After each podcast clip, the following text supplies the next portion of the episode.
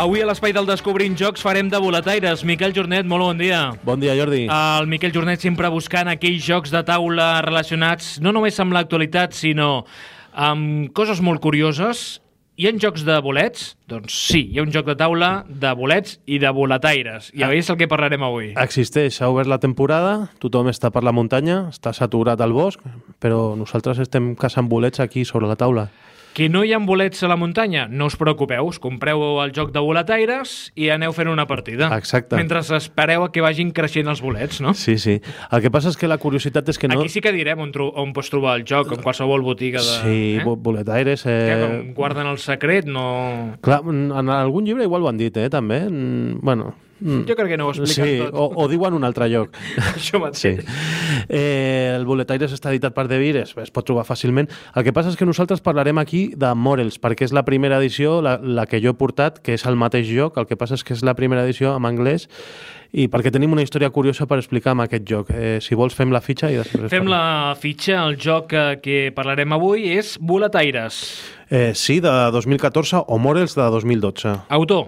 Brent Povis. Artista gràfic. Vince Dors. Editorial. Eh, L'original és Tool Hunter Games, aquí el trobem per Homoludicus o de Vir. Número de jugadors. Dos jugadors. Edat recomanable. A partir de 10 anys. Temps de partida. 30 minutets. Mecàniques eh, que farem servir. Eh, hi ha el draft de cartes, la gestió de mà i set collection. Set collection, què és? Eh, recol·lectar sets, que és la mecànica idònia per un joc de, de bolets. No és recol·lectar bolets? Eh, recol·lectar sets, sí. el preu? 13,95. Les notes? Està amb un 7,1 a la Board Game Geek i atenció perquè està al 469, que no està malament. A qui agradarà aquest joc, a part dels boletaires? Agradarà a aquelles persones que tinguin curiositat de veure transportada una afició particular i peculiar com la de la Casa de Bolets a un joc de cartes ben parit i divertit. Fins i tot es pot jugar fora de temporada i no cal el carnet de boletaire. Això que ens estalviem, eh? Sí. Imagina't que ets al mig del bosc, tanques els ulls i t'omples els pulmons d'aire fresc. Alguna cosa et diu que avui serà el teu dia de sort. El sol i la pluja s'han alternat al llarg de la setmana per garantir una bona collita de deliciosos bolets i els consells de la gent local no fan més que augmentar el teu optimisme. T'has de llevar ben d'hora... I no oblideu mai que si ens aixequem ben d'hora, però ben d'hora, ben d'hora, ben d'hora, i no hi ha retrets, no hi ha excuses, i ens posem a pencar, som un país imparable. Creu-me que som Cara, imparables. Miquel, que coneixes el Josep Guardiola? Eh, bueno, s'ha colat aquí. ben d'hora s'ha aixecat. Segueixo? Sí, sí. No tornarà a sortir el Josep Guardiola? Espero que no. T'has de llevar ben d'hora, quan la lluna encara brillava al cel, amb el cistell a punt per la gran col·lecta. Fins i tot tens preparades una paella, mantega i sidra per celebrar l'arribada de la nit al voltant d'una foguera mentre gaudeixes dels saborosos bolets que segur que trobes al llarg de la jornada. Avui serà un gran dia. Si el lleves ben d'hora, ben d'hora, ben d'hora. Com deia el mestre, sí. doncs eh, és un joc curiós perquè bueno, fa referència a la sidra, a la mantega, perquè, perquè el joc és, és d'un estadounidenc, no? I, I ell és aficionat a la Casa de Bolets. Jo he parlat personalment amb ell, de fet tinc el joc dedicat i signat a, a, per ell. Eh, parla poquet d'espanyol. Eh... Puc llegir la dedicatòria? Sí, sí, sí. Que los dioses mantengan los lobos en el bosque y los juegos en nuestras mesas. Sí, sí. Que bé, no? És, eh, sí, sí, és un tio molt simpàtic. De fet, jo sóc el client número 2 de, del seu Morels. El número 1 és un, és un oient del meu podcast que perquè ho vaig dir pel podcast, ho va comprar abans que jo i després jo vaig comprar la segona còpia. I aquest joc té una història curiosa perquè, de fet, me'l va signar el 24 de maig del 2012. Està, està la data posada. Jo vaig anar a, a unes jornades que feia Homolúdicos, que es deien Homínidos, i li vaig oferir a, a l'editor d'Homolúdicos la llicència mundial del Morels, de, del joc, per, per treure, perquè el tema dels bolets aquí a Catalunya doncs, pega fort i, i pensava que li podia interessar. Però li va veure algunes pegues, va dir que era un joc només per dos jugadors, que s'havien de moure moltes cartes i tal, i no li va acabar de, de fer el pes. Resulta que finalment una editorial alemanya va agafar la llicència mundial i després Homoludicus ho va llicenciar però a, a través de, de Pegasus, que era l'editorial alemanya que va agafar els drets mundials. Al final ho va treure Homoludicus, després Homoludicus es va vendre tota l'empresa a De Beer i ara el tenim dins del catàleg de De Beer En edició en català i en castellà. En català es diu boletaires i en castellà es diu eh, fungi. També existeix a, en alemany i en altres idiomes, eh, però bueno, era una oportunitat que jo creia que aquest lloc podia tenir una sortida internacional i que, i que a un editor d'aquí li interessaria tenir els drets d'explotació mundial, però bueno, va passar l'oportunitat aquella i, i bueno, va quedar així.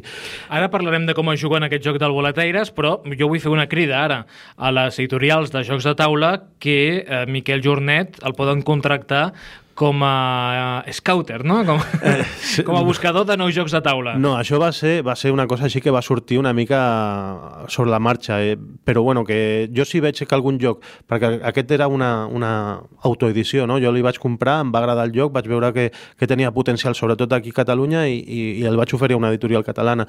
No d'allò, no va interessar pel que sigui i ja està, ja, ja ha passat. Però s'ha publicat en català. Sí, sí, sí. Com a jugar?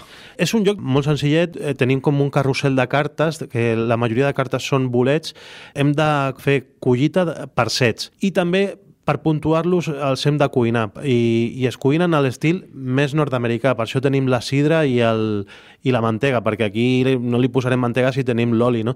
Eh, tenim també unes paelles que en l'edició original són paelles de plàstic i també tenim uns bastons. En l'edició nova eh, s'han substituït per cartes que fan la funció de paella també per cuinar i els bastons també per buscar, perquè allà es busquen amb uns bastons.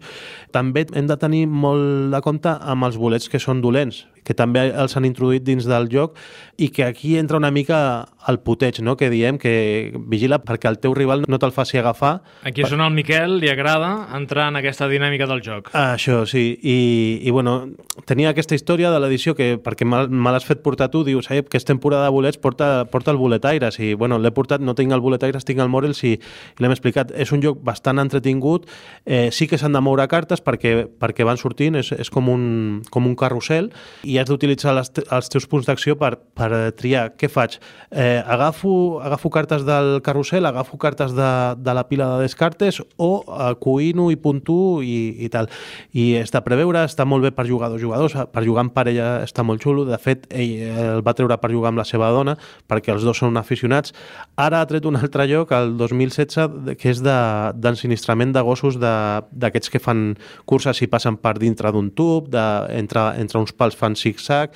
És un tema raro, però és, és, ell té la seva pròpia editorial, Tulanter Games, i amb aquesta editorial va treure aquest perquè li agradava agafar bolets i ha tret l'altre perquè té gos i també li agrada entrenar-ho i fa aquestes competicions de, de pista americana. No? Home, està bé, de les teves aficions fer jocs de taula. Sí, ell no té un altre d'allò, però aquest li va sortir prou bé i, i el, va poder eh, vendre la llicència a nivell mundial a Pegasus, com, com hem dit abans.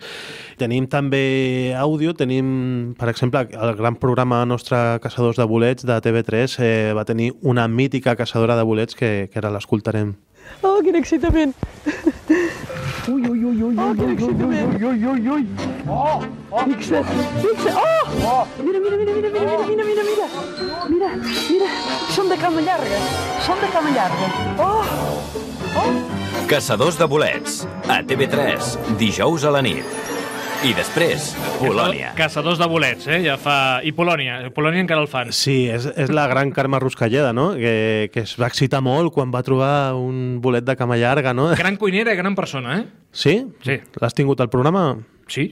Sí? No aquí a l'estudi, bueno, però... L'has entrevistat. Però l'he pogut entrevistar alguna vegada. Sí, sí, sí, no. A, a mi... Fa poc també el company Carles Piera a l'Espai de Vins també eh, va incloure una petita entrevista amb la Carme Ruscalleda. Fa pinta, fa pinta. Eh, l'entusiasme aquest que té, pues, el, el transmet. No sé si cuinarà els bolets amb aquest entusiasme que sí, sí. o, vídeo, i, i amb sidra i mantega. Espero, espero que no, que tenim productes millors a la Terra. Uh, això mateix, però no vagis a comprar oli als Estats Units que et sortirà molt car. Això. uh, bé, avui doncs... no tenim música, avui acabem... Bueno, podem acabar amb la sintonia, no? Eh, sí, sí. La que... sintonia del Descobrim bueno, Tenim a la Carme Ruscalleda, que ja l'hem passat, doncs sí, la sintonia. Doncs, Miquel, anem a caçar bolets. Vinga. Però aquí a la taula, sentadets. Oh, quin excitament! Fins la propera. Vinga.